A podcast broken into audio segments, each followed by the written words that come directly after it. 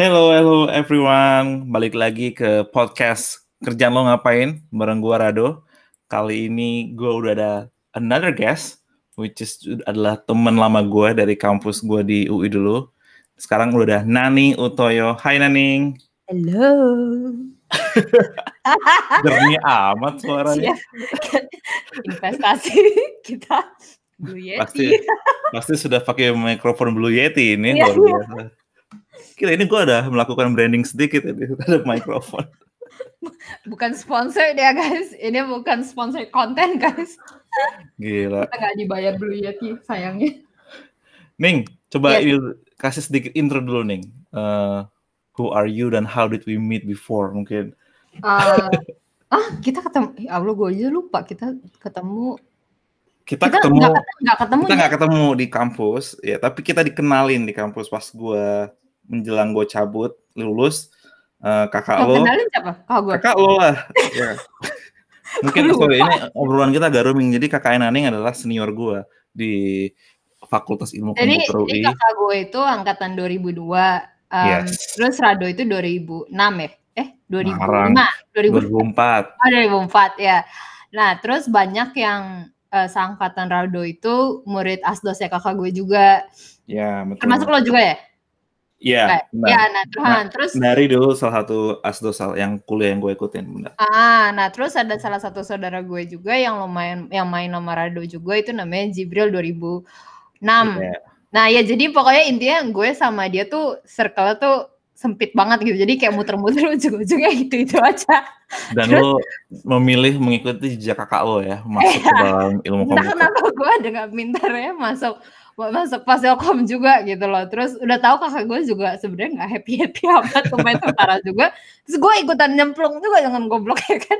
Terus jadi eh, jadi gue angkatan 2008 dulu eh, Fasilkom. Cuma bedanya kalau bedanya gue sama Rado sama kakak gue juga, em, gue ambilnya information system kalau Rado Iya. sama kakak gue ambilnya computer science. di jam, di zaman gua Mandari dulu belum ada informasi Ha. information system Ah, jadi gue Ah. tahun kedua information system, terus em, berhubung sebenarnya kalau gue pikir-pikir sebenarnya gue bisa lulus juga karena kayaknya itu tuh kurikulum pas yang gue itu kurikulumnya masih coba-coba. Jadi kayak yang loadingnya tuh nggak terlalu banyak gitu loh. Makanya gue bisa lulus. jadi lo bilang lo you're safe by the curriculum ya Maksudnya, Iya. Soalnya soalnya yang angkatan habis gue itu kurikulumnya tuh banyak yang loadingnya tuh dibalikin. Jadi Iya. kayaknya gue curiga mungkin ya, mungkin juga kayaknya semenjak yang lulusan gue tuh entah kali dosen apa in orang-orang industri gitu kali pada ngomel kayaknya lulusannya banyak nggak bisa ngoding gitu kali. Nah, terus juga kurikulumnya tuh banyak yang dibalikin gitu. Jadi iya banyak yang anak-anak information system sekarang tuh kayak misalnya em, MD misalnya MD tuh gue cuma dapet MD 1 gitu kayak eh, MD 1 MD 2 ya lo nggak MD 2 matematika discrete 2 ya Ah, gue nggak ada MD 2 Terus udah gitu gue nggak ada Anum, gue nggak ada Hmm. Alin. Terus kayak apa namanya PSD tuh gue nggak ada. Terus Iya.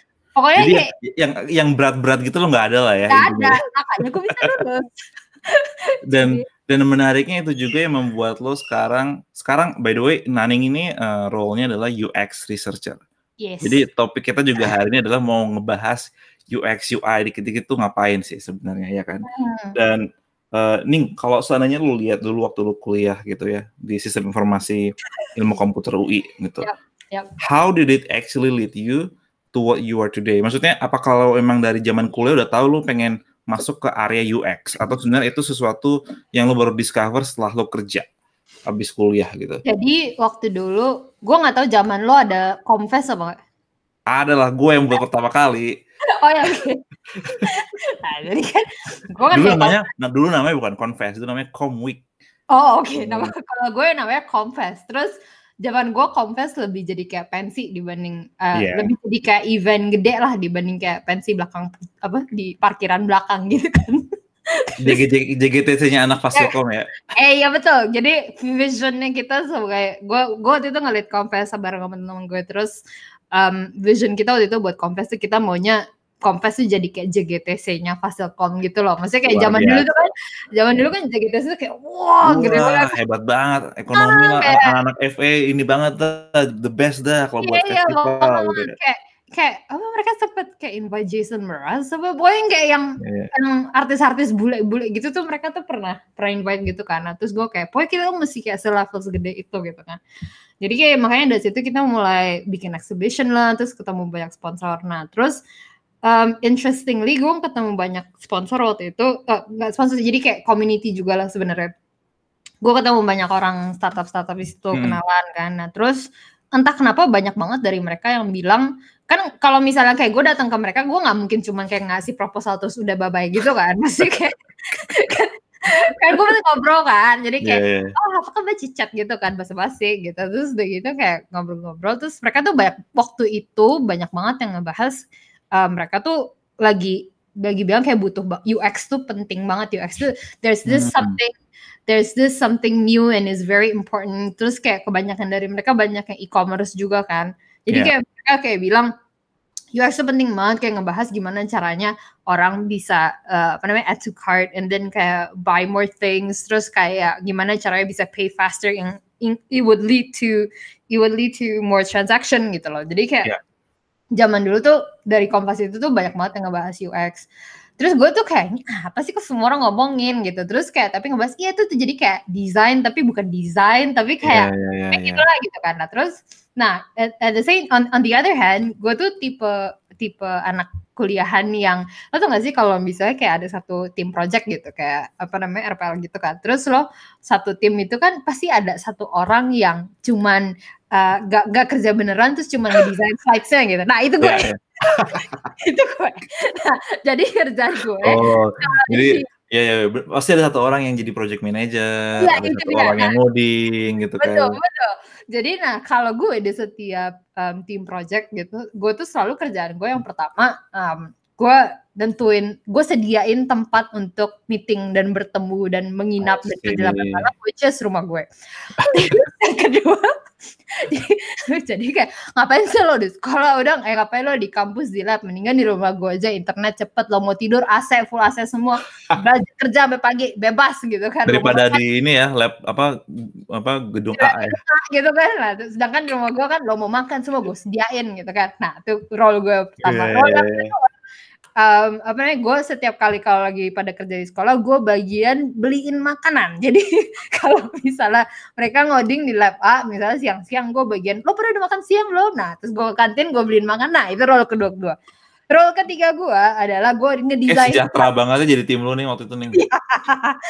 jadi role ketiga gue adalah ngedesain slides. Jadi semua orang udah tahu mau bikin apa, gue bagian ngedesain slides. Jadi desain Hmm. informationnya apa yang akan ditaruh di situ, terus kayak animationnya apa, see. warnanya apa, background slidesnya apa, nama lo udah bener apa belum, naruh foto semua segala. Nah itu gue. Jadi, jadi gue pas dengar ada ngomongin UX ini kan, jadi gue somewhat apa em, karena karena eh, pengalaman gue di desain slides itu, gue sedikit sedikit mengerti Photoshop lah gitu kan, cuman nggak expert expert amat, cuman maksudnya gue ngerti desain lah gitu loh. Jadi lo Terus- sebenarnya ngerti UX udah dari kuliah lah ya, dari Dari apa yang tingkat- lo Konves tuh tingkat konves tuh tingkat dua tingkat tiga, jadi ya tingkat kurang tiga tingkat empat ya. Hmm. Jadi Hmm. kira-kira tiga tiga lah gitu. Nah terus semua orang Hmm. ngebahas UX terus kayak gue tuh kayak wah ini kayak gue banget nih gitu kayak yang nggak perlu ngoding, desainnya nggak perlu jago-jago amat, terus terus itu kan lebih apa kayak em, apa namanya designing information juga, terus kayak Hmm. design proses juga gitu kan. Wah ini kayak gue banget gitu kan. Terus gue cari gue berusaha mendalami semua segala Lo macam. lo salah satu orang yang mungkin masuk jalur yang ibaratnya apa ya jalur bahasa kasar gitu lu apa ya jalur banci masuk kop yang kayak gua gitu loh yang waktu itu cabut jadi pak konsultan karena gua nggak mau ngoding lagi. Gue tuh semua orang kan ditanya kan waktu zaman mabim gitu kan oh lu masuk fase kom kenapa? Gitu kan. Terus kayak semua orang bilang oh gue mau jadi programmer gue mau jadi apa segala macam. Sedangkan kalau gue gue udah belagu banget kan. Kan dulu kan gue anak gamer abis gitu kan. Lalu ditanya oh mau jadi apa? Oh gue mau ini jadi apa kerja di Square Enix tai bullshit. Banget terus tapi dulu impian gue gue tuh masuk masuk oh gue pingin kerja di game company gitu. Di game company I see, Oh, I see. kayak ya kali itu kan pas udah masuk kayak udah gila aja gue terus udah gitu. Dan nah, terus gue ketemu UX terus denger UX dari konfes ini terus banyak yang ngebahas UX terus kayak entah kenapa gue jadi kayak stumble upon it? gitu. Terus gue Hmm. setiap kali gue ngobrol sama temen gue yang apa namanya anak-anak CS kayak Timas gitu-gitu tuh gue kayak bilang, oh ini kayak keren banget nih tim gitu UX gitu. Terus kayak apa sih lo ngomong apa sih? Gitu kayak gak ada yang ngerti gitu kan soalnya kayak itu tuh dulu kayak mentok-mentok paling mereka tuh ngerti UX tuh zaman dulu tuh dari kuliah sister kan sistem Iya. sistem interaksi itu pun juga istilahnya bukan UX istilahnya kan human computer interaction terus kayak the only reason people would take sister at that time itu tuh cuman karena mereka bisa dapat A bukan karena bukan karena topiknya iya kan gitu kan Gue kira yang PKT doang yang bisa dapat. Iya itu dia.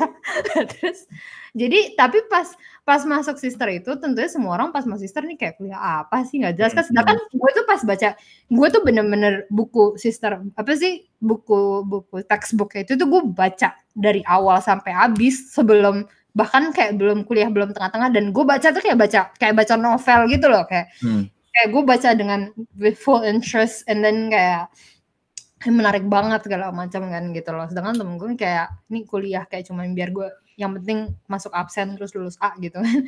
Sedangkan gue tuh kayak gue seneng banget sama ini. Gue gak ngerti kenapa semua orang tuh gak ada yang seneng sampai tahun depannya gue gue jadi asdo sister juga gitu loh. Oh, lo sempat jadi asdosnya?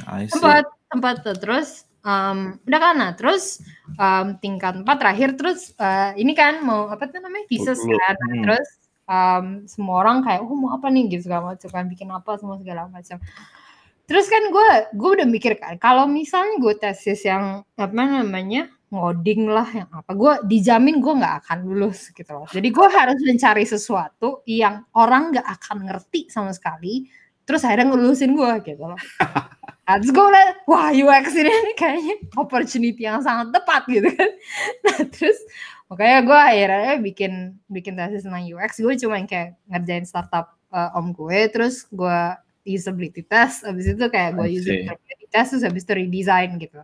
Sebenarnya sim- kalau misalnya gue ngeliat sekarang tuh sebenarnya simple banget, cuman proses itu tuh waktu itu lumayan panjang karena Yap. gak ada yang gak ada yang bisa nggak bener-bener ngebimbing waktu gue waktu itu waktu itu sih ada sih Mas Nizar cuman dia sebenarnya pun juga bukan bukan dosen sister kan gitu loh dosen penelitian. US dulu memang agak lumayan uh, hipster banget lah gitu hipster banget lah. Itu bukan bukan gel, apa major, bukan major apa, bukan suatu fokus study yang di mana-mana orang lakuin gitu kan. Iya iya bukan kayak, Kayak AI, sekarang gitu. bukan Heeh. kayak IR gitu, bukan kayak yang bukan yang keren-keren gitulah gitu. Itu kayak Iya, hipster, iya, iya. gitu kan.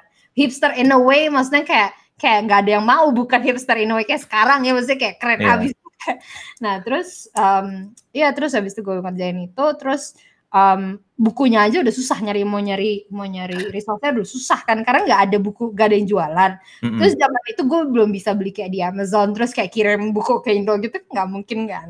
Iya, Jadi iya. kayak gue waktu itu um, sampai mesti ke Singapura ambil course belanja buku di Kinokuniya bawa pulang semuanya sampai kayak gue overweight 30 berapa kilo buat di koper gue isi cuma buku doang kan terus udah gitu um, oh enggak zaman dulu bukan Kinokuniya Borders masih ada Borders di Iya. Singapura udah gitu beli baca buku UX dan, dan gue happy banget itu karena bener-bener gak ada gak ada resource buat Hmm. belajar kan itu nah terus terus jadi terus tesisnya udah kelar terus gue tesis defense kan nah terus um, apa namanya terus uh, yang yang waktu itu ngawas gue itu Mas Nizar, Bu Ika, pokoknya dosen-dosen dosen-dosen ilkom semua deh. Terus gue kayak Iya. "Wah, ini tepat sekali nih plan gue gitu. Kan. yang semua orang tuh kayak tiap, tiap- semua orang tuh dengar kayak ah dosen penguji lo Bu ini baik tuh gitu gila lo gitu lo mati aja lo gitu kan. Gue kayak nyet ini the best banget. Mereka nggak ada yang ngerti UX nyet gitu. Ini sesuai plan gue gitu kan.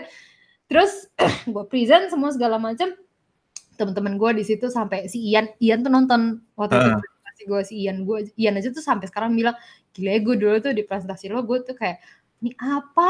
Lagi namanya apa gambar-gambar nggak jelas gitu kan.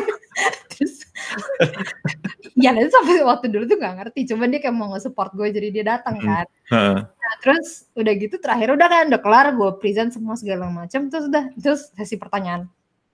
Sumpah ya gue nggak bohong pertanyaannya gue eh, ya dikasih cuman cuman satu. Eh, si Bu Ika nanya "Em, yang lain Pak Nizar em, bapak ini mau ada yang mau ditanyain? So saya nggak tahu mau nanya apa kayak yes gitu. Sudahlah, kamu lulus aja lah, Radeng ya. Selamat cari pekerjaan habis ini. Pokoknya kayak gue cuma pokoknya maksudnya gue lihat lihat um, apa namanya lihat pengujian yang lain-lain tuh semua orang kayak dia ditanya sampai kayak udah muka bengep mau nangis gitu sedangkan gue kayak cuma dua tiga pertanyaan kayak nggak nyampe terus kayak oh ya udah terus udah kelar terus udah lulus terus? Kayak plan gue grand plan gue terus it ya works ya sesuai iya. hipotesis apa hipotesis lo ya? Iya itu dia. mereka, ya, ya, ya, terus itu akhirnya lulus terus alhamdulillah juga waktu itu pas gue sebelum lulus pun waktu itu gue udah dapat kerja di sini waktu itu. Jadi sebenarnya waktu gue Nah, di Singapura. Jadi hmm. pas sebelum sebenarnya pas gue ke Singapura bolak-balik itu waktu itu selain gue nyari bahan resources buat um, apa namanya buat uh, tesis gue, gue tuh sekalian nyari kerja di sini. Jadi waktu itu gue kayak hmm. bolak-balik ke sini tuh kayak datang job fair job fair di Singapura gitu loh. Terus kayak uh, saking gue bener-bener kayak pengen pengen cari kerja karena waktu itu emang di Indo nggak ada hampir nggak nggak no hope banget lah waktu itu buat gue untuk yeah, yeah agak jarang waktu itu ya belum. Maksudnya bukan kayak sekarang lah ya iya nah ya. terus kayak akhirnya gue terus gue mikir kayak gue sama nyokap gue mikir kayak udah gini aja gue kerja di Singapura terus nanti kayak, kayak ibarat enam bulan tuh CV gue udah bagus kan. Terus gue balik terus gue dapet gaji yang kayak gede abis gitu standarnya udah sampai di Singapura ya. Iya, iya, iya. iya kan. Nah, terus kita kan alhamdulillah terus um, sebelum gue tesis itu pun sebenarnya gue udah udah dapet kerja di Singapura. Jadi gue udah lulus terus bener-bener kayak dikasih offer IP gue. Uh, oh enggak zaman dulu espas. Espas gue belum udah dapet. Oh, espas dulu. Oke. Okay. Uh, nah, terus uh, udah dapet soalnya gue mulainya intern kan jadi kayak gaji yeah, yeah. perak doang gitu terus ya, jangan salah lo, lu fresh grad segitu lumayan banget. Nggak ada ceritain dulu belum selesai. Nah terus udah kan, lah terus gue um, dapetlah kerja di sini, terus habis itu gue pindah ke sini. Nah, di mana nih waktu itu nih pertama kali? Di Macan, di Macan. Oh di Macan, di agency ya? Ah di agency. Terus, nah um, di Macan terus kayak apa namanya? Sebenarnya di Macan challenge-nya bukan cuma UX-nya doang, tapi challenge yang paling pertama itu sebenarnya adalah language uh, eh, AKA Singlish kan. kan masih ini kayak English tapi bukan tapi uh, logat gue juga nggak sebagus itu tapi kok kayak ini apa ya? Gitu kan. Kayak ke sini nggak ke situ nggak. Cuman akhirnya um, dan kebanyakan waktu itu di di kantor gue kebanyakan Singaporean. Cuman karena apa sih namanya gue dari Indo kan. Tapi kayak gini loh, kalau misalnya Malay orang orang Malaysia atau misalnya Malay terus kayak kerja di kerja sama Singaporean, mereka bisa ngomong Singlish bareng gitu. Sedangkan kita kan hmm. kita nggak punya, kita nggak pernah belajar Singlish ngerti nggak sih lo? Yep. Jadi kayak gue itu masih dianggap foreigner banget di sini. Jadi gue bener-bener kayak took effort to really really learn Singlish at that point gitu loh. Jadi yang, gua, maksudnya gua, mereka butuh lo untuk menggunakan aksen mereka regardless sebenarnya mungkin bahasa Inggris lo oke oke aja. Iya, jadi sebenarnya enggak, sebenarnya mereka nggak nuntut gue, cuma gue ngerasa kayak gue tuh masih dianggap foreigner sama mereka gitu loh. Tapi gue tuh kayak Indeed you're a foreigner, cuma kenapa kayak mereka gitu banget ya? iya gitu kayak kayak gue kayak dianggap angmo banget gitu loh. Angmo. Kayak, kayak gue maunya gue maunya tuh dianggap sama kayak mereka gitu loh. Jadi kayak, yeah. kayak gue bener-bener yang apa sih kayak baca YouTube nonton YouTube YouTube yang belajar Singlish lah terus kayak apa namanya beli-beli buku yang Singlish dictionary gitu gitu kan terus habis yeah. itu iya. yang akhir-akhirannya gue makin nggak kalau sebenarnya Singlish itu tuh cuman bahasa Indo di translate word by word ke English itulah yeah, yeah. English gitu loh lah gue jadi lumayan agak expert sih agak expert lah dalam so, sedikit demi sedikit diterima di komunitas itu ya iya gitu akhirnya gue mulai jadi deket sama teman-teman gue terus gue kayak ah, I'm part of them gitu kan kayaknya yang bahagia banget nah tapi gue itu di di makan Um, terus dengan lewat 6 bulan, nah, terus gue balik dong ke Indo dengan PD-nya, dengan CV gue udah meken Singapura gitu kan. Uh. Nah, terus gue apply sana sini lah, nyes kagak ada yang mau terima gue, sedih banget. Lo apply ke mana aja emang waktu di Indo? Banyak banget dulu tuh, gue apply ke XM, gue apply ke Oke, Ogilvy gue juga apply. Oh, agency company juga? Si agency juga gitu okay. loh. Terus um, soalnya gini zaman dulu kalau misal lo bilang lo bisa UX expectation itu tuh kayak uh, ini ngomong ini ngomong tahun 2004 eh, yeah. 2013 ya jadi udah skala sih kayak gitu hmm. kok jadi yang kalau misalnya lo mau UX expectationnya adalah lo harus bisa desain tapi lo mesti bisa desain uh, wireframe lo masih bisa desain Photoshop bisa Illustrator lebih bagus lagi kalau lo bisa gambar jadi lo udah ada ekspektasi gam oke okay, sebenarnya sebelum kita ngomong ke sini ya. mungkin lo bisa jelasin dikit nih perbedaan UX dan UI biar mungkin pendengar bisa ngebedain sebenarnya apa sih bedanya kadang-kadang kan ada sedikit dis apa misalignment antara Mhm. ekspektasi di mungkin uh, workforce di Singapura tentang UX itu sendiri apa dengan yang mungkin kalau lo yang tadi share ketika di Indonesia ekspektasinya seperti apa. Tapi esensinya sebenarnya perbedaan dua ini apa nih kalau boleh share dikit? Jadi kalau menurut gue sih um, UX itu tuh lebih kayak apa namanya um, ini sih klise banget sih kalau ngikutin ngikutin istilahnya user experience tentunya experience user interface itu interface yang ada yang lo lihat Betul. gitu ya Hmm.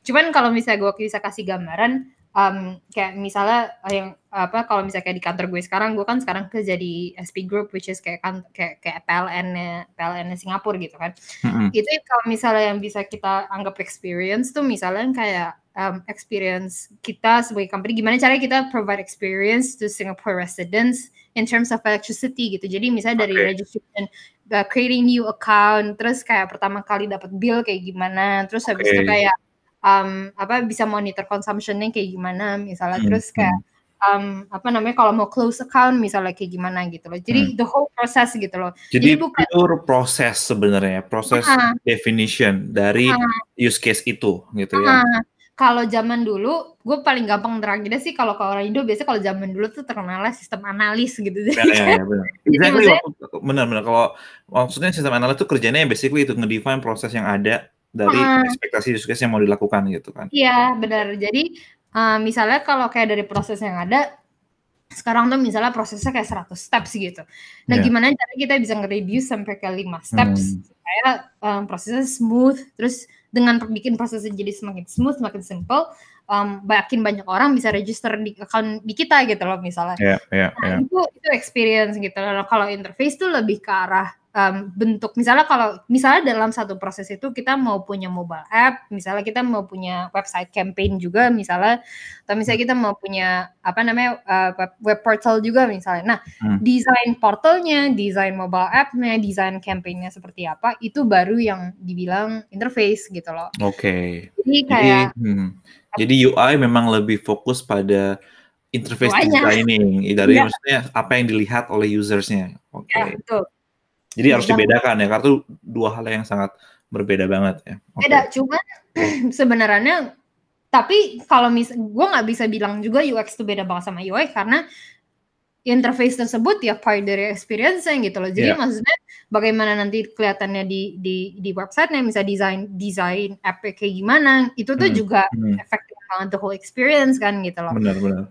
Jadi apa namanya? Nah, kalau sebenarnya juga kalau ya yang mesti gue bedain juga kalau yang tadi gue bilang the whole process itu sebenarnya umbrella termnya namanya customer experience gitu. Benar. Makanya itu termasuk kayak um, apa namanya? um, CS kayak maksudnya kayak termasuk support, termasuk operation itu sebenarnya part of the experience gitu loh. Ya, Nah, ya. kalau user experience, eh, kalau misalnya mau lebih, kalau user experience biasanya orang bilangnya itu lebih fokus ke digital produknya. Jadi misalnya kayak yang tadi gue bilang, misalnya kita kayak proses kantor gue tadi gitu, kayak gimana caranya orang bikin new account sampai mereka close account gitu loh. Hmm. Nah itu kan mereka customer journey-nya itu tuh nge, nge apa namanya, make make beberapa produk kan, nggak mungkin cuma make satu mobile app tok gitu kan nggak kan? Iya. Pasti mereka ada portalnya, pasti mereka ada websitenya, pasti mereka ada mobile app-nya, ada yang um, apa namanya internal software juga gitu loh. Hmm.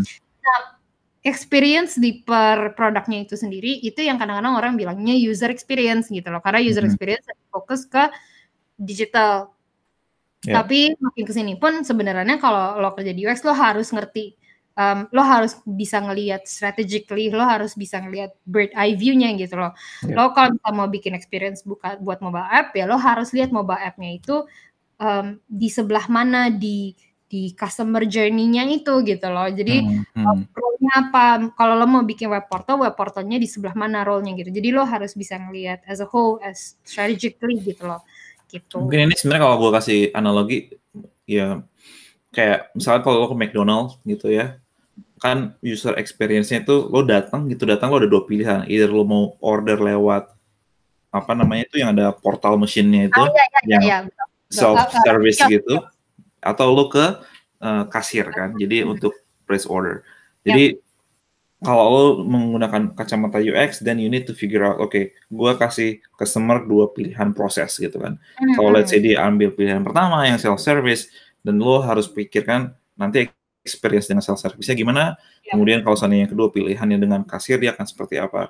Yep. Assuming dua ini sudah place order, order nanti setiap orang akan kayak punya semacam tiket tentang hey this is your order number lo bisa ngelihat di layar whether lo lagi disiapin atau lagi gimana gitu kan. Betul. Jadi oke. Okay. Jadi itu juga ada elemen UI-nya di situ dalam artian Betul, apa yang kiosnya itu sendiri kan itu ada kios gitu. Maksudnya yang kayak yeah itu harus didesain segimana rupa supaya lebih gampang dibanding Betul. Hmm.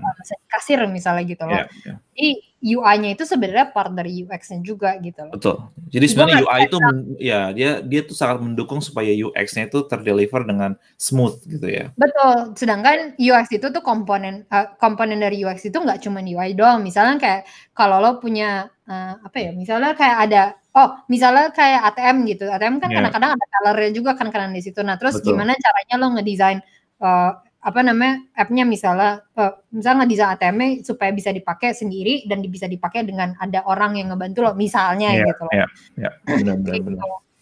Dan waktu lo bilang tadi yang ketika lo di Indonesia mencoba cari kerjaan di Indonesia. Nah, uh, nah jadi ya gimana? Coba lanjutin jadi, tadi. Jadi pas gue uh, datang kan, terus gue gue ditanya, oh lo bisanya apa? Gitu, terus uh, oh gue bisa UX gitu kan, terus gue lebih ke arah strategi gitu, karena yeah. Strategi itu istilah agency abis gitu kan, lo tau kan kalau ngomong digital agency itu kan ada kayak orang-orang planner gitu, terus kayak oh ya yeah, this is the, the campaign strategy, digital strategy kayak deh gitu kan. gue kayak bakalan terus kok gitu. Nah terus nggak, gue gue bukan dari sama orang-orang ex agency, gue gue sendiri orang ex agency juga. Karena gue suka ngebahas sama temen gue orang ex agency. Nah apa namanya, sedangkan terus gue ngebahas kan kayak oh iya gue ngajarin UX gitu loh. Dan kalau di McCann waktu dulu dan kebanyakan agency di Singapura sih nggak cuma di McCann. Dan gue rasa di Indo sekarang udah mulai kayak gitu juga sih. Hmm. Kalau dulu itu tuh um, UX itu kalau gue masuk departmentnya planner, gue nggak masuk desain. Jadi orang orang-orang yang ngerjain UI-nya itu adalah orang-orang desain yang memang background itu visual design atau graphic design. Hmm. Jadi, nah kan kan gue backgroundnya CS gitu kan, eh yeah, yeah. yang nah, lebih hardcore-nya ya, yang nah, lebih. Gue nggak, gue nggak apa namanya, gue nggak um, qualified untuk ngedesain UI-nya gitu loh. Nah hmm. terus jadi gue memang under planning under planner waktu itu kayak bener-bener nggak nggak nggak nge-plan apa namanya digital campaign kayak gimana websitenya kayak gimana gitu gitu kan terus gue gue bilang itulah kerjaan gue gitu pas interview hmm. gitu kan. Terus oh lo bisa Photoshop nggak? gitu. Oh bisa gitu kan. Terus oh bisa Illustrator. Terus gue kayak Illustrator? Enggak sih. Nah terus oh kalau front end gimana? Lo bisa um, HTML CSS bisa? Uh, ya dikit-dikit bisa. Kalau jQuery? Uh, enggak terus gitu. Kalau apa namanya eh, kalau iOS tuh apa gue lupa uh, pokoknya kayak ngoding iOS gitu bisa nggak? Uh. Ya enggak lah gitu kan. Terus gue kayak, Hai, kok ditanya sampai front end gitu kan? Terus kayak, um, oh kalau misalnya uh, Google Analytics gimana gitu? Waktu itu gue masih masih belum bisa kan? Oh gue nggak bisa gitu. Terus kayak, pokoknya kayak kalau lo ngomong UX tuh full kayak bener-bener yang yang di di expect tuh bukan orang UX tapi Benar. unicorn gitu loh jadi yeah, yeah. jadi yang di expect Tuhan gitu jadi lo harus bisa lo Segalanya. harus segalanya dari yeah, yeah. Uh, yang yang teknikalnya dari yang front end. Kalau lo bisa ada yang waktu sampai oh lo Rails bisa apa gak ya kali. Gue terus jadi kayak bukan cuma HTML CSS doang sampai yang scripting sampai yang hmm. uh, backendnya kalau lo bisa lebih bagus lagi. Terus kalau yang desainnya eh kalau UX sendiri lo harus bisa strategi lo harus bisa uh, analytics harus bisa. Untuk desainnya sendiri lo harus bisa Photoshop sampai Illustrator pun juga lo harus bisa. Terus gue kayak uh, gitu kan. Terus dia gitu udah kayak oh gajinya di uh, berapa gitu kan nah kalau zaman nih gue gue gue ngomong gaji buka-bukaan bukannya gue mau pamer gaji cuman gue biar ngasih tahu biar biar bisa perbandingan aja waktu itu gue gaji pertama gue waktu masih intern di McCann itu 800 dolar yang kalau dipikir-pikir buat Indo zaman itu itu gede banget. Iya, Tapi di sini itu ya, 800 ya. itu perbandingannya sama kayak kuli di di iya kan, iya kan. Ya kuli bangunan di Singapura. Oh my god. ya kan kuli kuli bangunan itu minimal gajinya tujuh ratus juga sekitar segitu sih, Ding. Iya, tapi kira-kira kayak gitu maksudnya lo, lo Iya. kebayang kan apa rendahnya gaji gue waktu itu tapi itu pun itu pun udah bagus karena gue tahu banyak teman-teman gue yang yang em, nasibnya mirip-mirip kayak gue apa namanya em, merantau ke Singapura untuk ngebagusin CV buat jadi intern itu kan banyak juga temen gue yang gak dibayar juga bahkan gitu loh. Hmm. jadi sebenarnya itu gue udah dibayar. Nah terus dengan nah terus gue datang ke Indo. Terus gue interview gajinya minta berapa? Oh saya minta 10 juta gitu kan. Fresh grad baru enam bulan. Pengalaman. Hah? Gitu orang-orang yang tapi gue bershock semua. Udah gitu orang agensi-agensi pula kan kebanyakan temen gue waktu itu kayak gaji pertama yang kayak 2 juta 3 juta terus gue kayak baru datang 10 juta mintanya kayak orang gak tahu diri. Kan. terus gue nanya sama temen gue oh 10 juta lu udah kayak senior consultant gitu nih hah? gitu kan. Terus kayak oh ya udah agak sedih ya gitu. Terus udah gitu gue kayak nggak apa interview ke beberapa company gitu terus kayak akhirnya gue mikir ah ya udah dah gitu. Deh kayaknya mungkin emang emang apa gaji segitu kayak terus tapi at the same time waktu itu bos gue juga nawarin full time.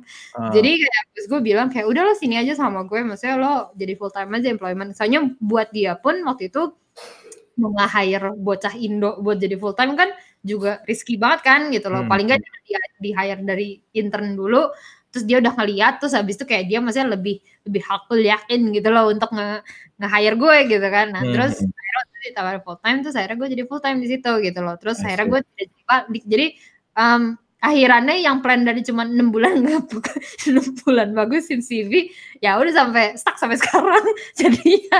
Terus soalnya waktu itu emang setelah setelah kayak lewat apa namanya udah lewat satu tahun lewat dua tahun gue masih awal dua tahun pertama gue masih mikir mau balik jadi maksudnya masih nyoba nyobain tapi kayak gitu terus maksudnya kayak kali balik udahlah gaji gue mintanya ketinggian terus mereka juga expect gue ketinggian juga. Jadi gitu. terus em, makanya akhirnya gue nggak balik. Terus dari situ gue di Maken sampai em, seperti biasa orang-orang agensian ya, oh gue mau di agensi satu tahun, so, gue mau di agensi satu setengah tahun gitu kan, akhirnya stuck jadi empat tahun gitu kan, terus Jadi lo di mereka berapa lama akhirnya? tahu Oh, gue empat tahun lama banget gue di situ. Terus udah gitu tahun terus gue pengen nyari yang beda banget. Terus habis itu kayak habis itu kayak gue masuk masuk Trigeko Trigeko itu inventory startup em, inventory startup yang build eh, startup yang bikin inventory management solution um, for for small businesses. Yes for e-commerce. Jadi um, apa namanya kalau ibarat kaskat ngomong kasarnya kayak versi murahnya SAP gitu loh. Oke, oke. Jadi yang small small medium business kan nggak mampu kan tentunya Iya. buat banyak SAP gitu. Makanya kita Iya. bikin bikin software yang untuk SAP. Cuman kalau SAP memang mereka kan strong banget karena mereka punya operation yang jauh lebih strong. Misalnya mereka punya Ya, konsultan buat klien-kliennya juga large corporations gitu ya. Ya, nah terus mereka kan yang dijual juga kan integration sama software-software under SAP juga. Jadi misalnya kayak lo lo bikin HR bisa integrate sama yang apa misalnya gitu loh. Jadi Hmm. semuanya smooth karena kalau di kita waktu itu kita benar-benar fokus banget di inventory management solution. Um, yang kita jual integrationnya sama e-commerce website builders. Jadi misalnya lo tau Shopify kan ya? Tahu banget. Jadi kita, kita yang kita jual waktu itu um, integration sama Shopify, sama Asik. WooCommerce gitu-gitu. Jadi Hmm. ibarat orang kalau lo mau bikin mau bikin apa namanya jualan Instagram gitu misalnya. Ini gue cerita nih uh, based on true story nih waktu itu di Trigeco klien yang paling eh apa klien yang paling gede dan yang paling nggak mau bayar maksudnya yang bayarnya maunya paling kecil itu sista-sista Instagram yang di Surabaya jualan casing handphone Ah, itu itu mereka profitnya ya Allah gede banget terus tapi mereka nggak mau mereka maunya bayar pakai paket yang plan yang paling kecil tentunya karena ya maksudnya gantinya sebenarnya Trigeco tuh kasarnya kayak ganti lo tuh kan kalau misalnya di di Indo tuh kayak ada buku akuntansi yang kuning yang panjang banget gitu kan Ah, Iya, benar. Trigeco tuh Ganti digital itu kan. Mhm. digitize buku kuning itu gitu loh I Nah. see. Dan dan lo waktu itu sebagai UX Uh, timnya juga. Nah, gue waktu itu uh, UX lebih ke arah strategi. Jadi gue ngerjain UX tapi under product team. Jadi gue nggak Hmm. bareng, gue waktu itu nggak terlalu kerja bareng sama designers-nya. Gue kerja bareng sama product owners-nya gitu loh.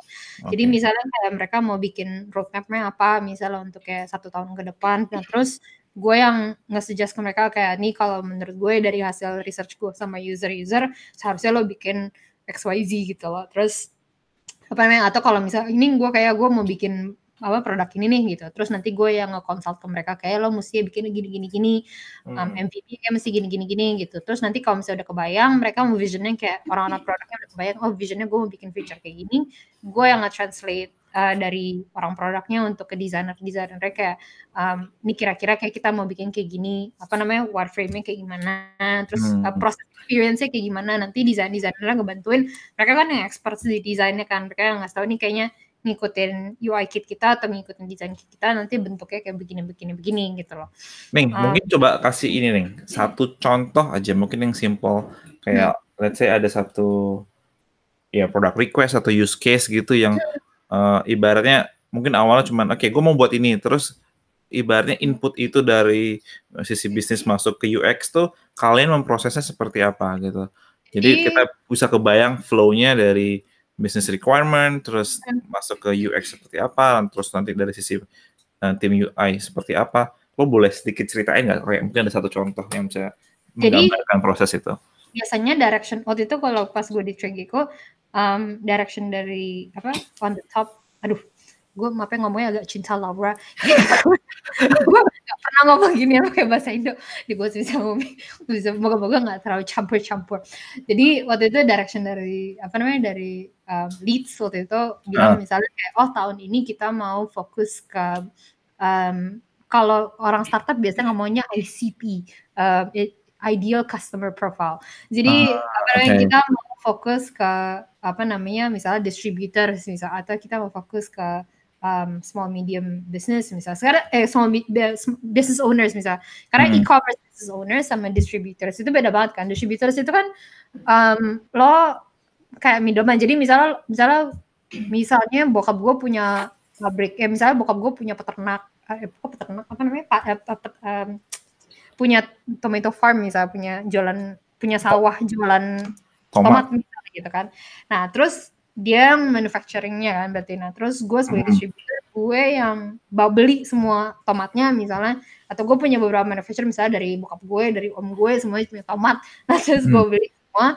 Terus gue yang punya relationship sama retail, jadi gue yang punya relationship sama Hero, sama Food Hall, sama Fair Price misalnya Hmm. terus gue jualin gitu kan nah terus tentunya dijualnya on bulk jadi gue nggak mungkin jualan cuman satu kilo tomat gitu kan gue pasti Iya. jualan satu satu truk tomat gitu kan nah terus Hmm. dua truk hari ini buat fair price dua truk hari ini buat hero gitu kan Hmm. itu kurang lebih distributor nah sedangkan kalau tentunya distributor kalau di konsep kalau kalau yang kayak kayak Tragico itu bukan yang perishable bukan yang FMBC jadi misalnya jualnya macam-macam gitu loh. Nah terus um, kalau sedangkan kalau business owners biasanya yang kayak tadi gue bilang sisa-sisa Instagram misalnya atau yang jualan e-commerce. Jadi lebih ke lebih agak lebih ke retail gitu. Jadi Iya.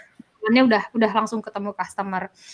Nah biasanya mereka nanti dari atas ngasih tahu kayak oh gue mau fokus uh, tahun ini misalnya gue mau fokus ke distributor misalnya gitu loh. Nah Hmm. terus nanti um, jadi feature-nya yang harus dibikin kurang nanti orang-orang produknya oke kalau lo mau segitu target revenue lo segini misalnya berarti kita harus bikin feature A B C D gitu I see. Oke. terus uh, mereka datang gue ini gue mau bikin feature B gitu terus kayak oh, oke gitu terus kita coba riset dulu deh gitu jadi kayak gue datang ke customer customer kita kita Oke. datang ke apa um, warehouse-nya terus habis itu dari situ kita lihat kayak proses mereka kayak gimana terus um, pain point mereka kayak gimana terus habis itu kayak ngobrol-ngobrol kayak apa namanya karena setiap setiap industri itu prosesnya beda-beda kan apalagi kayak Benar. distribution itu prosesnya beda-beda banget um, apa namanya proses kayak um, waktu itu kita sempat mau fokus ke beer wines and spirits misalnya itu tuh proses distributionnya beda banget sama Hmm. misalnya jualan uh, healthcare products misalnya gitu loh itu Oke. tuh apa namanya prosesnya jadi gue sebagai researcher gue harus ngerti kayak ini proses di industrinya seperti ini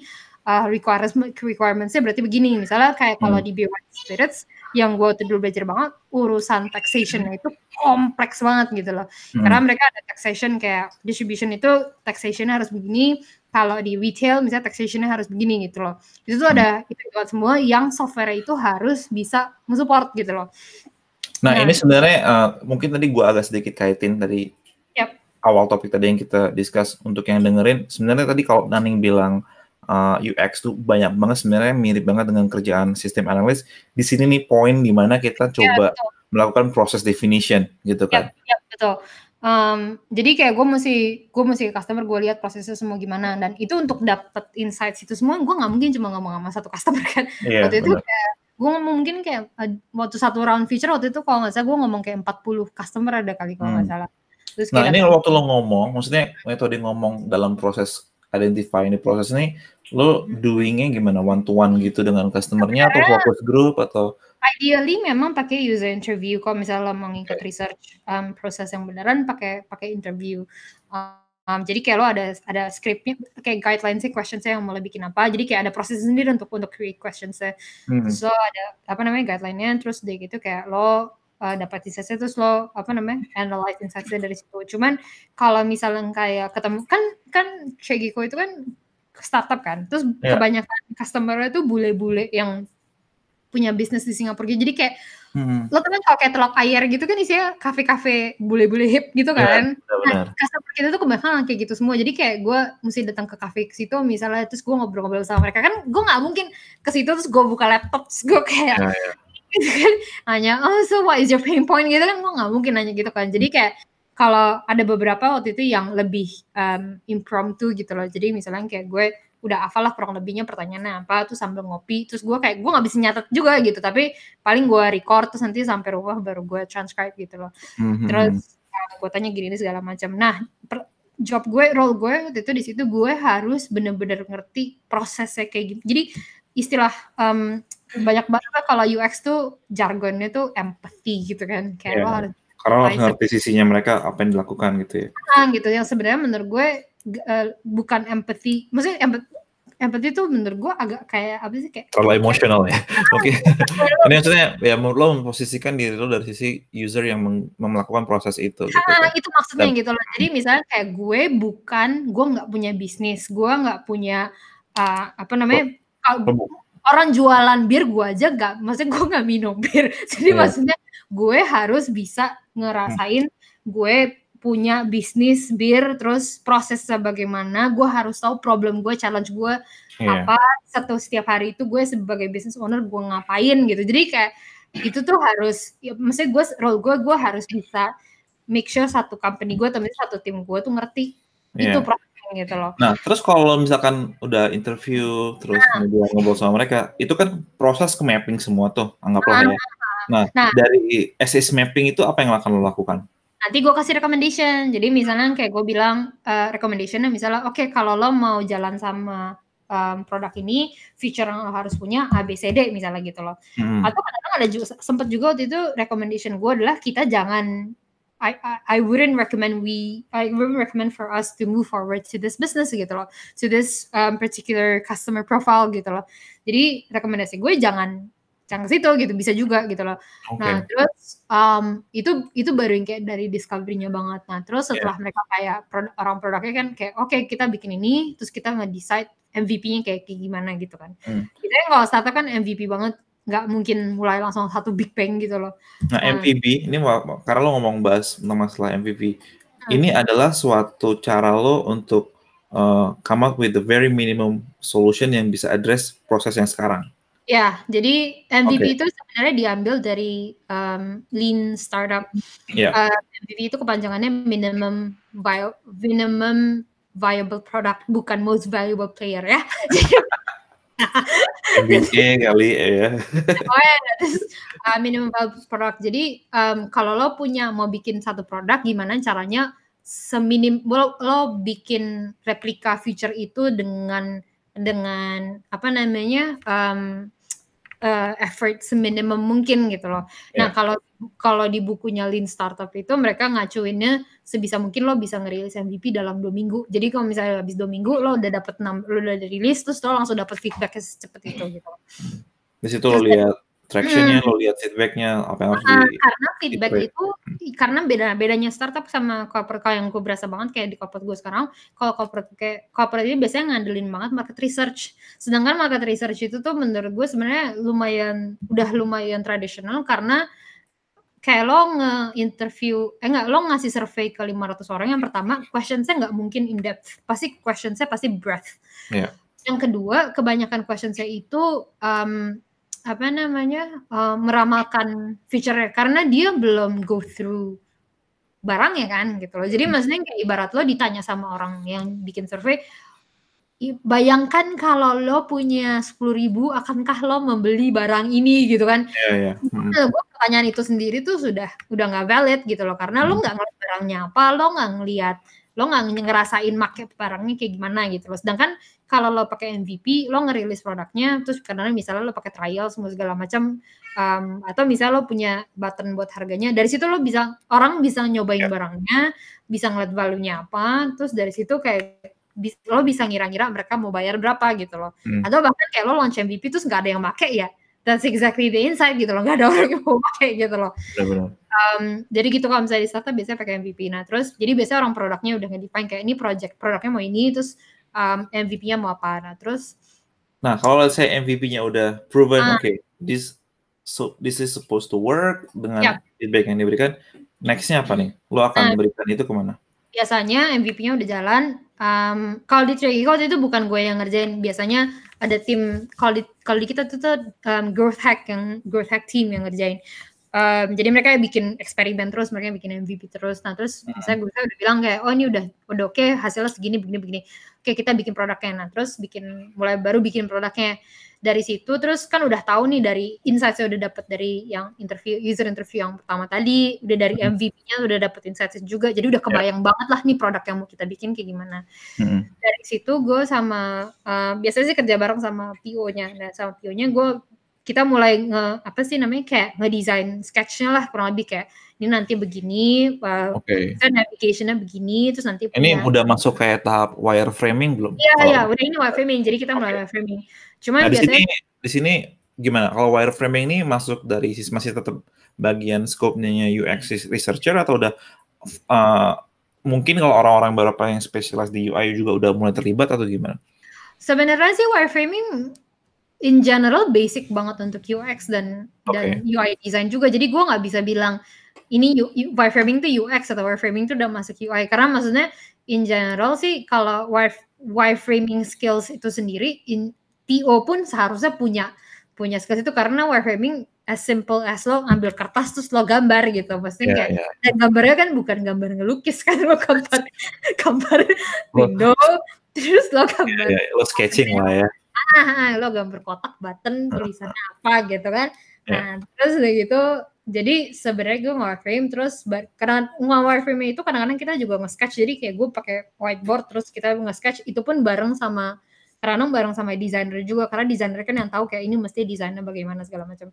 Benar benar. Kita Mhm. bikin misalnya kayak wireframe kayak 45 Oke. pages terus kita kasih wireframe ke desainernya terus waktu itu desainernya yang ngerjain uh, desainnya. Maksudnya kayak bring the design to life gitu loh. Terus Oke. pakai sketch eh pakai um, software-softwarenya. Terus udah gitu kayak pakai apa namanya bikin pakai front end-nya juga gitu loh. Jadi belum jadi clickable segala macam.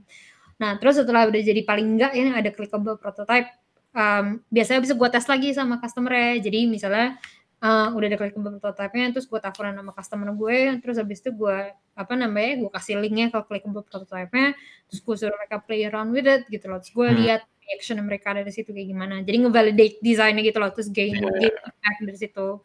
Nah terus dari situ kayak kadang-kadang juga dapat feedback baru-baru lagi. Jadi misalnya kadang-kadang feedbacknya lumayan straightforward kayak oh ini nggak jelas nih gue nggak ngerti gitu. Ada yang umurnya udah 50 oh ini apa tulisannya? Gue nggak baca gitu. Hmm. ada yang kadang-kadang feedback kayak "Ah, kayak gini kan kita selalu di warehouse jadi kita kayak bahkan nggak mungkin bakal bawa laptop jadi kemungkinan besar ini harus di mobile app.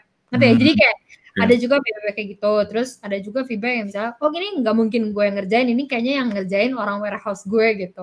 Kayak gitu gitu jadi kita dapat banyak feedback dari situ terus kita refine lagi kita iterate lagi terus baru kita kita bikin. Terus kalau kita udah lumayan confident sama desain desainnya terus mereka masuk engineers uh, engineer yang mulai build desainnya terus kita rilis gitu loh. Terus Oke oke. uh, rilis ininya. Nah uh, apa namanya setelah nanti rilis yang sebenarnya ini juga kerjaan pas gue apa namanya pas lagi discovery stage juga sih. Jadi setelah rilis biasanya gue juga ngelihat uh, feedback di ops-nya. Jadi misalnya kayak gue lihat masuk apa namanya Zendesk. Terus Hmm. habis itu gue lihat feedback, feedback gue filter terus berdasarkan feature-nya. Terus habis itu nanti kayak gue lihat uh, feedbacknya kayak gimana kayak orang-orang yang ngomel-ngomel gitu loh terus kayak Oke oke. oh shit gitu Tapi tapi ketika lo udah masuk kayak ke Zendesk, which is lo accessing customer support uh, Hmm. tool toolnya uh, company lo gitu kan. Jadi lo mendapatkan uh, feedback yang langsung dari customers. Yap, yap. Nah, itu artinya ini adalah feedback yang udah di level production kan, bukan di level yang sebelumnya yang ketika lo masih mencoba memvalidate Tapi uh, tapi nah, tapi juga um, misalnya kayak pas tadi gue um, masih early stage banget kayak misalnya uh, baru nentu ini mau bikin feature apa, kan hmm, misalnya kayak PO-nya punya 5 set eh, five sets of feature gitu. Kita mau hmm, 5 tapi kita cuma bisa nge-prioritize 3 misalnya. Nah, hmm, um, nge-prioritize caranya ada macam-macam. Salah satunya yang biasanya gue bantuin mereka juga itu gue ngeliat ke Zendesk terus gue lihat feature request-nya apa. Jadi hmm, misalnya kayak um, oh uh, tren dari tiga bulan terakhir feature request-nya pada minta ini semua. Tapi dari feature request itu gue nggak bisa juga ngelihat langsung blindly, oh ini feature request-nya nomor satu ini, jadi kita harus ngerjain ini. Gue nggak bisa bilang gitu juga karena dari kalau kalau SaaS itu kalau um, software as a service yang paling penting banget juga lo harus lihat siapa user yang minta feature itu ya, karena misalnya gini um, misalnya kita punya lima feature request nah terus um, yang paling banyak itu bukan ICP bukan ideal customer profile yang lo tuju terus lo kerjain itu feature justru ngapain ya, nggak relevan ya.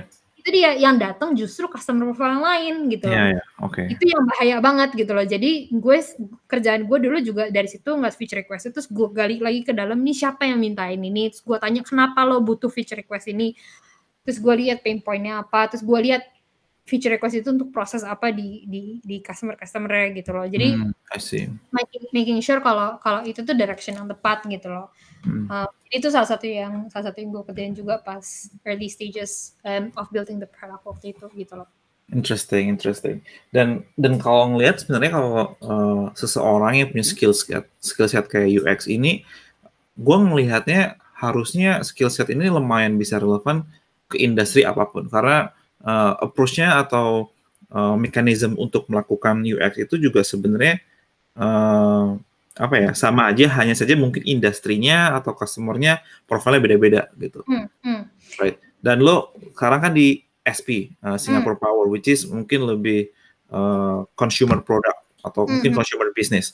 Hmm. sebelumnya uh, lo di TradeGateco yang mungkin lebih bis, uh, business customers gitu kan itu uh, ada signifikan perbedaan tertentu nggak terkait dengan gimana lo melakukan uh, UX research lo antara Be- dua beda banget sih, be- beda banget menurut gue karena um, B2B sendiri biasanya um,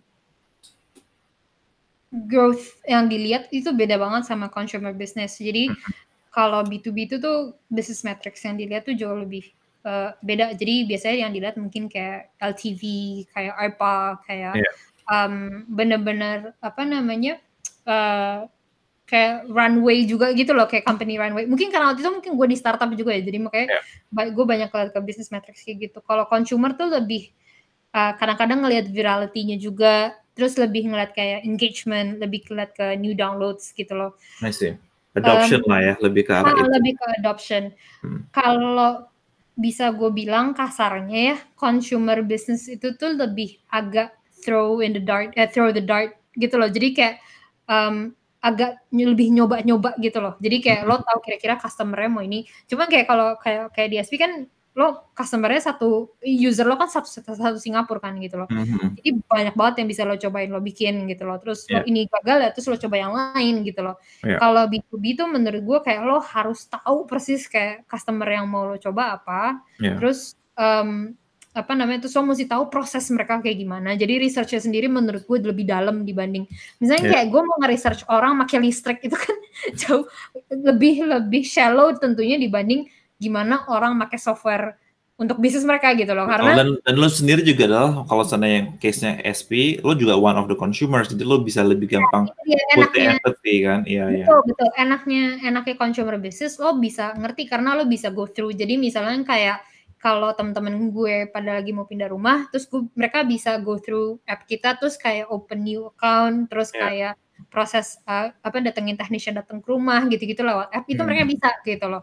Hmm. Sedangkan kalau B2B itu dulu susah banget nyari user karena uh, user yang bisa kita tes tuh cuman user-user yang um, yang make lo benar gue nggak bisa misalnya manggil business owner lain terus kayak suruh cobain Tregico ya buat apa nggak ada gunanya gitu iya.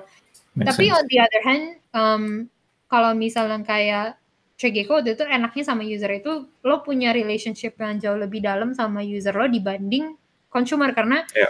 um, consumer business karena waktu dulu tuh kayak misalnya gue gue baru ngontek customer gue kayak klien gue di ya customer gue di Trigeko baru bilang kayak kita mau riset untuk topik ini misalnya Hmm, itu mereka tuh udah excited bukan main gitu loh. Karena karena feature yang yang mungkin bakal gue bikin ini itu bisa ngebantu Mereka. Hmm. operation time mereka misalnya dari 5 jam sampai 2 jam gitu loh. Iya, iya. Karena loh, jadi- dia ngefek ke bisnis dia gitu ya. Itu dia.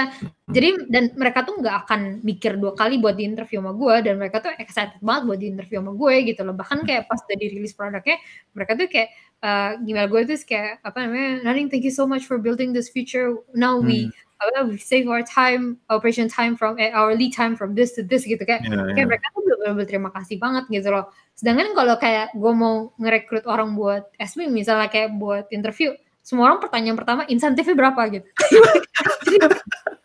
Mau interview gitu. how much will you give money ya? Ya how much ah? How much is it? I charge you for what? I charge you ten fifty dollar for one hour ah. You need to go to your office ah. Where is where is your office ah? Keppel Tower is it? Wah so far. Nih, you can can you pay my taxi cab or not? kayak gitu-gitu gitu loh. Jadi kayak mereka pertanyaannya kayak gitu gitu loh. Iya, Terus iya, iya, I see, I see. karena nggak ada value buat mereka untuk datang buat interview gitu loh. See. Cuman memang um, apa namanya creating the questions-nya juga itu kalau bisa gue bilang sebagai gue researcher kalau untuk um, consumer business gue bisa lebih um, pertanyaan-pertanyaannya tuh lebih ngebahas mereka personally gitu loh. Hmm. Jadi misalnya gini, um, kalau gue tuh di Trigico pertanyaan contoh contoh pertanyaan yang pasti gue tanya setiap apa pun feature yang mau gue bikin yang pasti gue tanya ke customer. Misalnya kayak um, so can you tell me more about your business process? Um, what do you sell? How do you monetize? Terus kayak what is your team structure? Um, who are the people in the company that use Trigico and then like um, Hmm. how do they use Trigico karena kan cara uh, misalnya uh, CEO company-nya atau orang di warehouse-nya pakai Trigico pasti beda banget kan gitu loh. Iya, iya. Jadi kayak gue nanya-nanya kayak gitu gitu loh. Terus baru kayak pertanyaan ke tentang feature. Kalau di apa namanya di SP, ya kalau misalnya untuk listrik misalnya konteksnya, gue bisa nanyanya macam-macam misalnya gini. Um, gue nanya kayak, oh um, lo make kalau di kalau di Singapura kan kita listrik sekarang bisa milih macam-macam kan, gak cuma SP kan. Iya, Jadi provider ada beberapa. Provider ada beberapa. Jadi gue tanya kayak, um, so apa namanya, um, how do you lend to the decision um, in choosing this um, retailer misalnya gitu kayak, Hmm. terus gimana lo jadi research kenapa lo make ini, gimana, terus kayak setelah lo make, uh, lo bakal rate berapa misalnya, terus how can it be better, terus misalnya kayak pertanyaan-pertanyaan kayak, do you monitor energy consumption gitu, terus kayak, Hmm.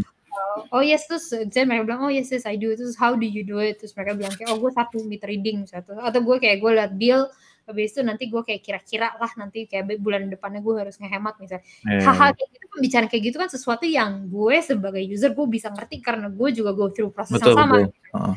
Which is sebenarnya eh, dan dulu gue dan gue ngerasa kayaknya waktu lo misalkan come up dengan list of questions yang untuk consumers itu, itu gue juga kemungkinan akan menanyakan hal yang sama ke diri gue kalau gue melakukan eh, itu dia itu dia gitu sama. betul betul terus kayak misalnya kita banyak bikin app yang related to sustainability gitu loh. Terus Iya, jadi iya. pertanyaan yang bisa gue tanya kayak uh, what is sustainability to you? Terus kayak um, setelah mereka bilang oh definisinya begini terus gue kayak what do you think about it? Gitu kayak terus kayak do you try to contribute to sustainability? Terus um, kalau iya kenapa? Kalau enggak kenapa? Terus kalau iya misalnya how do you do it? Gitu loh. Hal-hal kayak gitu tuh itu tuh menurut gue personal dibanding ngomongin kayak oh cara gue nge-manage warehouse gue begini gitu Iya, iya. Jadi- Dan ini kalau seandainya untuk consumer business, yang which is sebenarnya kan user business lebih tinggi ya, itu lo nggak how how big is the sample size untuk lo bisa validate eh, apa keinginan atau aspirasi dari user lo? Tapi Untuk- sebenarnya kualitatif itu lo nggak bisa ngeliat sampel karena in general qualitative research itu it- it's not meant to be statistically Hmm. significant. gitu. I see. Jadi, Jadi lo memang benar-benar kayak mencoba mendapatkan opinion mereka dari interview itu. ah, ya? jadi gue Oke. lebih fokus ke why sama motivationnya apa dibanding berapa orang yang pakai feature ini gitu loh. Gue nggak Oke. akan pakai interview untuk itu. Kalau kalau gue mau lihat numbers itu gue bakal pakai GA misalnya gitu loh. Hmm. gue pakai GA terus gue lihat numbersnya berapa terus habis itu kayak oh yang pakai feature ini segini yang drop off di sini berapa Ya, dari ya. situ problem-problem yang nggak bisa gue jelasin atau yang nggak bisa gue nalarin, gue pakai user interview gitu. Hmm. Jadi misalnya kayak um, misalnya gitu sign up kita rendah, eh misalnya uh, ya misalnya sign up kita rendah gitu, terus Hmm. kita udah tahu kebanyakan drop off-nya di page yang X misalnya. Nah itu dari page X itu itu gue tes pakai user interview. Oke. Jadi gue tes terus gue lihat. Nah dari situ nanti ketahuan. Oh pantesan misalnya kopinya ada yang salah. Misalnya I see. uh, forumnya yang ini salah. Misalnya uh, cara yang paling gampang contohnya misalnya kayak kalau lo mau um, apply kalau lo mau create new account di SP yang di admin kita, lo harus punya account number SP utilities lo. Lo harus punya account SP services lo yang nomornya tuh ada 10 angka yang biasanya cuma ditaruh di bill. Terus kayak Iya, kalau iya. lo download app-nya, terus lo downloadnya nggak lagi di rumah, lagi nggak megang bill, Hmm. terus kayak gimana cara lo mau tahu account number Iya, lo? iya. Ibarat kayak lo nggak nggak akan hafal, nggak usah listrik deh lo nggak akan nggak mungkin lo hafal account number bank lo juga kan gitu loh. iya. Kayak gitu-gitu gitu loh. Nah kalau apa namanya kalau misalnya gue mau lihat numbersnya, gue akan lihat ke GA, gue nggak akan lihat ke interview. Even kalau seandainya pun kalau mau kualitatif, biasa ballpark lo akan mulai start interview berapa orang? Biasanya tujuh. Tujuh, oke. Terus em, karena jadi biasanya tujuh. Nah kebanyakan stakeholders eh, banyak stakeholders gue yang bukan orang digital, maksudnya orang-orang yang dari em, traditional business misal. Hmm. Tentunya mereka akan expect lebih karena mereka ngelihat UX research as market research. So obviously they would question like why don't we interview 500 people for example. Yeah. Terus Why don't you do it yourself? If I do that, I will like run a campaign. exactly if I can do that I would run my own business gitu kan. I would run my own agency gitu loh. Nah, terus um, terus habis itu kayak uh, nego-nego-nego berusaha terangin tapi emang nggak nggak nggak make sense di mereka gitu loh maksudnya gue juga nggak bisa juga jadi banyak banyak banget yang orang yang bilang dulu ya dulu sebelum gue uh, masih awal-awal pas masuk SP tiap kali bilang gitu gue kayak ngamuk sendiri gitu loh. Karena kayak ini orang-orang goblok dari apa nggak ngerti digital masa mau user interview makanya kayak berapa berapa ratus gitu kan. Tapi kan sebagai kalau pikir-pikir kan lo seharusnya juga pakai UX untuk kerja lo jadi lo harus ngerti stakeholders lo juga gitu kan. Nah terus em, akhirannya gue pakai setelah gue terang iya gue awal masih kayak kok teorinya tuh begini begini begini. Ya siapa yang Yes. dengerin teori? Kan terus ujung-ujungnya gue kayak gue turutin tapi gue nih gue gini yaudah deh nggak segitu tapi gue interview 20 deh gitu kan. Terus mereka kayak sebenarnya masih kurang buat mereka tapi kayak ya udahlah gitu kan. Um, akhirnya tuh setelah gue interview 20 um, 20 kan nggak mungkin gue interview satu hari kan. Gue interview waktu itu kayak kita bagi dari dua tim jadi dua hari. Jadi hari pertama tuh kalau nggak salah 10 hari kedua 10 nah setelah hari pertama kita udah bisa come up with new insights gitu loh. Um, hari kedua itu ha- hampir nggak ada new insights. Jadi udah pattern. Jadi kayak yang keluar di hari kedua itu insightsnya udah sama kayak Sama. hari pertama. Nah, ini ada satu pertanyaan gue menurut gue penting banget nih. Dalam proses UXR atau UX research itu, how do you come up with the right and effective questions? Karena menurut gue tuh penting banget kan. Karena lo mungkin punya waktu terbatas, lo mungkin juga nggak bisa nanya banyak-banyak, tapi lo bisa me- memetakan dan mengidentifikasi pertanyaan apa yang kurang lebih spot on buat ditanyakan ke customer lo atau user lo tuh ada tipsnya nggak yang biasanya tim UX tuh lakukan untuk identify with uh, I mean what kind of questions that that effective to ask to the to the respondents Kalau UX research itu biasanya fokus banget ke everything that has happened in the past. Hmm. Jadi um, kita nggak akan nanya, kalau market research tuh mungkin banget tuh nanya kayak um, apa sih pertanyaan yang common kayak um, at what point you think that you would you would think the price is is overpriced gitu loh kayak gitu gitu Hmm. you right you think the price is too cheap that you would question the quality misalnya kayak gitu gitu Hmm. um, itu itu um, make sense itu mungkin banget di market research dan common banget karena lo nanya ke 500 orang jadi paling Yeah. nggak kayak lebih statistically significant cuman kalau di UX research itu big no no banget buat kita untuk Hmm. nanya in happen in the future jadi the easiest way to validate something that whether it would happen in the future or not is whether that happened in the past or not gitu loh jadi misalnya Hmm. um, lo kalau kalau ini suatu problem buat lo jadi biasanya kita tanya apa ya, misalnya kita tanya lo, lo lo ada problem nggak gitu sama market feature ini misalnya atau sama Hmm. topik ini misalnya? Kalau ada problem lo apa? Terus kita tanya solusi yang sekarang tuh apa? Terus solusi yang lo pakai apa gitu? Terus um, oh gue pakai app ini misalnya sekarang. Terus terus Hmm. gimana app lo? Lo pakai app gimana? Terus mereka nerangin kayak oh gue pakai app buat gini gini gini gini. Terus kayak terus uh, terus menurut lo gimana gitu? Terus menurut mereka kayak ya sebenarnya sih nggak masih kurang membantu lah gitu lo kata mereka Nanang. terus kayak oke coba bisa nggak lo rate appnya kalau kayak dari 1 sampai 10 menurut lo berapa? Terus misalnya mereka bilang oh 6 gitu misalnya.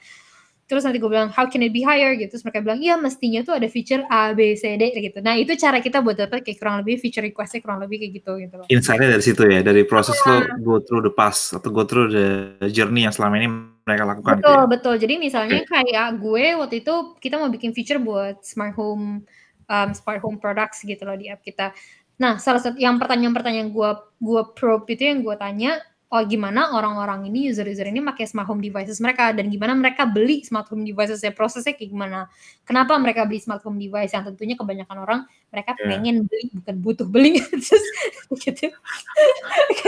Pengen beli terus udah pengen beli terus habis itu apa what's the next step you do? Gitu kan. Oh gue um, gue tanya orang oh lo tanya siapa? Gue tanya teman gue gue baca review. Lo baca review di mana? Gue baca review di Reddit misalnya. Gue baca kalau di Singapura hardware zone biasa kan. Ya. nah terus um, terus habis apa? Terus oh habis itu gue mulai beli. Eh gue riset dulu belinya di mana. Terus oke lo riset ke mana aja? Gue beli lihat di e-commerce gini gini gini, gini segala macam. So akhirnya lo beli di mana? Gue tanya. Gue akhirnya beli di uh, Harvey Norman misalnya. Terus Hmm. iya, waktu itu ada ada ada yang bilangnya di Harvey Norman. Terus gue beli di Harvey Norman gitu kan. Terus oh kenapa lo beli di Harvey Norman? Soalnya di Harvey Norman ada tukangnya yang bikin yang kerjain Ah, Oke oke. terus gue oh kenapa lo nggak mau e-commerce? Saya kok e-commerce gue nggak bisa lihat barangnya gitu kan. Terus Mhm. kayak ada yang kayak gitu. Ada juga yang bilang oh gue lihat barangnya gue ke Harvey Norman gue lihat barangnya. Terus gue beli di Lazada gitu. Terus Ya. oh gue tanya kenapa lo beli di Lazada? Soalnya gue ada reward rewardnya apa gitu. Terus Ya. oh gue pakai rewardnya shopback misalnya terus kayak ada berapa persen gini. Kalau dari situ kelihatan berarti price nomor satu gitu loh. Jadi ada orang yang bisa prefer belanjanya di mana karena convenience ada yang prefer belanjanya karena purely price yang biasanya di Singapura kayak gitu sih.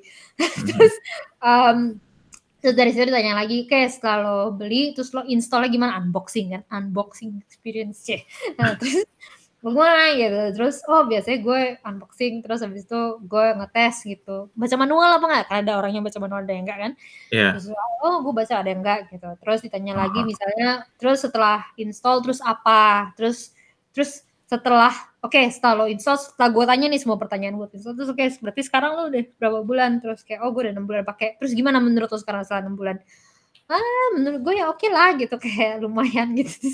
Terus see. expectation lo nggak gitu terus kayak gitu gitulah jadi bener-bener end to end proses dari buying waktu itu sampai eh nggak dari kepikiran motivation kenapa mau beli Mau beli sampai sampai dapat ya. sampai make itu gimana. Nah itu yang pasti yang pertama guidance sih pokoknya kita selalu tanya in the past. Yang kedua kita selalu um, go through the natural flow. Jadi gua nggak nanya kayak barang lo gimana sekarang makainya terus the next questions gue nanya terus kenapa lo beli di Lazada gitu. Jadi iya. gue nanya itu benar-benar benar-benar with the natural flow. Um, jadi kayak mereka flashbacknya tuh juga jauh lebih gampang gitu loh Karena Terus- tinggal ngerunut proses sama journey mereka kan. kayak ya. lo ibarat lo ditanya lo Iya, iya, beli iya. Google Home gimana atau beli Blue Yeti gimana lo juga senang kan kalau Iya ditanya iya iya. doang iya. oh Iya, yang mau sharing gitu loh Iya, iya. nah terus um, biasanya kalau dibilang uh, teorinya sih apa sih probing interview biasanya dipakai di psychology juga um, jadi gue bener-bener ngerunut terus gue bener-bener kayak nanya dalam banget terus gue nanya keperasaan mereka juga gimana gitu loh um, jadi kurang lebih gitu sih kalau designing questions biasanya kita selalu nanya ke belakang terus kita nanya current solutionnya apa terus current solutionnya gimana oke apa enggak kurangnya apa misalnya terus nanyanya sesuai natural order gitu sih paling Gila sih. Ini ini infonya padat banget sih. Maksud gue gue ngerasa kayak belajar banget tentang sebenarnya di balik semua gini deh. Kita kan as a smartphone users pasti banyak banget pakai app kan. Tapi eh, kadang-kadang kita mungkin take it for granted kalau kita dapat app yang segitu bagusnya, enak banget dipakai, tapi sebenarnya di balik itu semua ada research yang dilakukan kayak lo dan tim tim UX di setiap company yang mencoba mengerti oh user ini seharusnya gimana ya proses journey-nya based on a lot of like user interviews, terus Hmm. identifying pain points, terus gimana kita tackle pain points itu sehingga kayak pada akhirnya ya lo pakai app itu kayaknya enak banget, nyaman banget gitu kan. Iya ya, Ya. dan banyak juga maksudnya biasanya sih at least um, karena kita orang digital jadi kita ngerti for every part of design there's a reason behind it gitu loh. Jadi Iya, kayak iya. bukan cuman karena CEO-nya mau warnanya purple misalnya gitu maksudnya nggak nggak bakal kayak gitu gitu loh. Jadi Iya, iya. um, mungkin juga itu bukan dari user, mungkin juga itu efek prioritization misalnya maksudnya kayak kita nggak bisa ngedesainnya begini karena apa alasannya misalnya karena mungkin kita ngeprioritas ini gitu gitu loh. Jadi um, itu juga yang gua nggak juga kalau di Singapura tuh biasanya lebih high expectation on UX and design gitu loh karena gua nggak tahu ya di Indo tapi gua di sini kayak di kalau lo lihat App Store review SP Utilities app itu banyak loh sampai sekarang yang bilang eh, can you just hire better UX designer Oh wow. itu banyak dan think, Tapi itu- say, tapi menurut gua dari maksudnya gini, SP is a government uh, kind of like iya iya itu dia jadi kayak Tapi makin menurut, gua produknya tuh bagus banget karena gua setiap bulan kan ngeliat ngecek bill gua berapa dan Iya, gua iya. tuh kayak kayak ngerasa kayak gila ya untuk sebuah government supported institute apa platform. sebenarnya kita nggak government lagi sih cuman ya Iya. iya orang kalau under Temasek pasti semua orang bilang Iya, iya. Temasek government.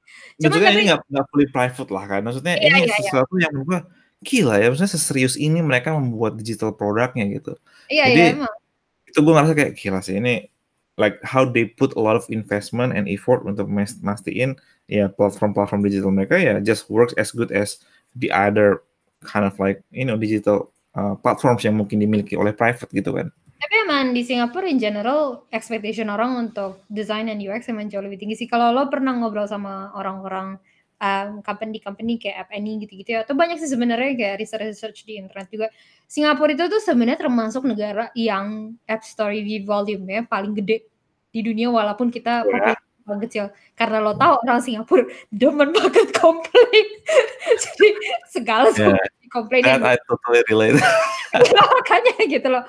Jadi kayak waktu itu gue sempat ngobrol juga ngebahas sama anak-anak UX yang di Indo gitu. Nice. Kayak gue ngebahas kayak lo kalau di review dibahas apa sih biasanya gitu. Terus pas gue bahas sih gue banyak banget kayak orang-orang ngomel-ngomel desain kok gini sampah. Terus kayak oh mesti nge-hire better UX design gitu-gitu terus pada kaget semua kayak mungkin kalau di Indo mungkin orang nggak nggak nggak akan mikir sampai ngerti. Maksudnya kayak ada istilah UX gitu mungkin orang nggak akan ngerti gitu. Mungkin lo kalau lihat di app reviewnya mungkin aduh ini lemot banget mbak. Mas nih ada tes salary ini mahal banget gitu Aduh, ini makan storage saya agak tinggi mungkin Iya. kayak gitu. gitu-gitu nah Iya, kalau di kalau di kita tuh kayak bayang kayak masa ini gue udah diklik terus kayak udah klik apa terus ada ada ditanya lagi ini gitu kayak kayak Iya. hal-hal kecil kayak misalnya em, apa namanya misalnya kita nanya pertanyaan yang sama kadang-kadang kan gini loh em, yang orang bedanya juga kerja di startup sama corporate gede. Kalau misalnya di startup itu kan karena company kecil banget orangnya dikit biasanya em, apa namanya circulation of datanya tuh kecil banget. Jadi maksudnya si tim ini punya data ini biasa si tim satu lagi juga punya data. Nah kalau misalnya kayak di SP satu biarpun kita dalam satu app kita lu kalau lihat explore page kita itu kan ada banyak kan ada ada banyak feature kan. Nah Hmm. feature itu sendiri kan kayak Gojek. Maksudnya nggak mungkin cuma dari satu company maksudnya biasanya dari either department lain atau dari company lain. Nah kalau di SP konsep kalau di uh, case kita biasanya satu feature lain tuh udah kayak bisa company lain gitu loh. Cuman kita yang bikinin. Dan makanya kadang-kadang banyak dari mereka yang nggak punya data yang sama satu sama lain karena um, kita benar-benar value data protection gitu loh. Jadi kayak see. udah beda company nggak bisa sembarangan ngasih. Dan makanya kadang-kadang kita ada saat-saatnya yang rare sih cuman ada saat-saatnya kita nanya pertanyaan yang sama yang mungkin udah pernah ditanyain ke user sebelumnya. Si user ngomel gitu kayak kayak karena apalagi kayak gue interview kalau lagi ngetes desain kan terus ada pertanyaannya yang kayak minta IC misalnya. Ya sekarang sebenarnya IC udah nggak boleh udah nggak boleh minta sih sebenarnya PDPA cuman kayak you government you already have all my data then why you ask me the same question again ya mau gimana ya gue butuh datanya karena gue gak Iya. punya datanya gitu loh kayak gitu gitu gitu jadi expectationnya menurut gue jauh lebih tinggi sih kalau di sini yang Right. sebenarnya bagus karena standarnya jadi tinggi banget juga gitu. Benar-benar. Wow. Ning, thank you banget nih, Ning. Gila, kita udah ngobrol satu jam dan gua ngerasa banyak belajar banget tentang UX dari uh, experience lo di even like di agency world, kemudian dari agency world masuk ke startup e-commerce yang terkait tentang inventory management, dan terakhir di consumer businessnya kayak SP. Uh, yeah, I mean, appreciate a lot, Ning. Udah Yes. mau Apa yang spend terus an hour ngobrolin UX. Kita lihat nanti mungkin tahu ada pertanyaan-pertanyaan dari para pendengar. Gue nggak tahu siapa. Yeah. Ada lah pasti Batan tenang.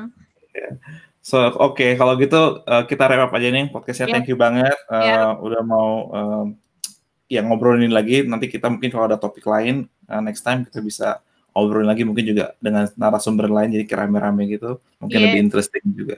Iya, mungkin kita semusi sama geng Bishan juga nih. Boleh, kita kita bisa undang yang lain juga. Rame-rame kan mungkin seru juga tuh. Oke deh, thank you banget Oke ya, Dok. thank you.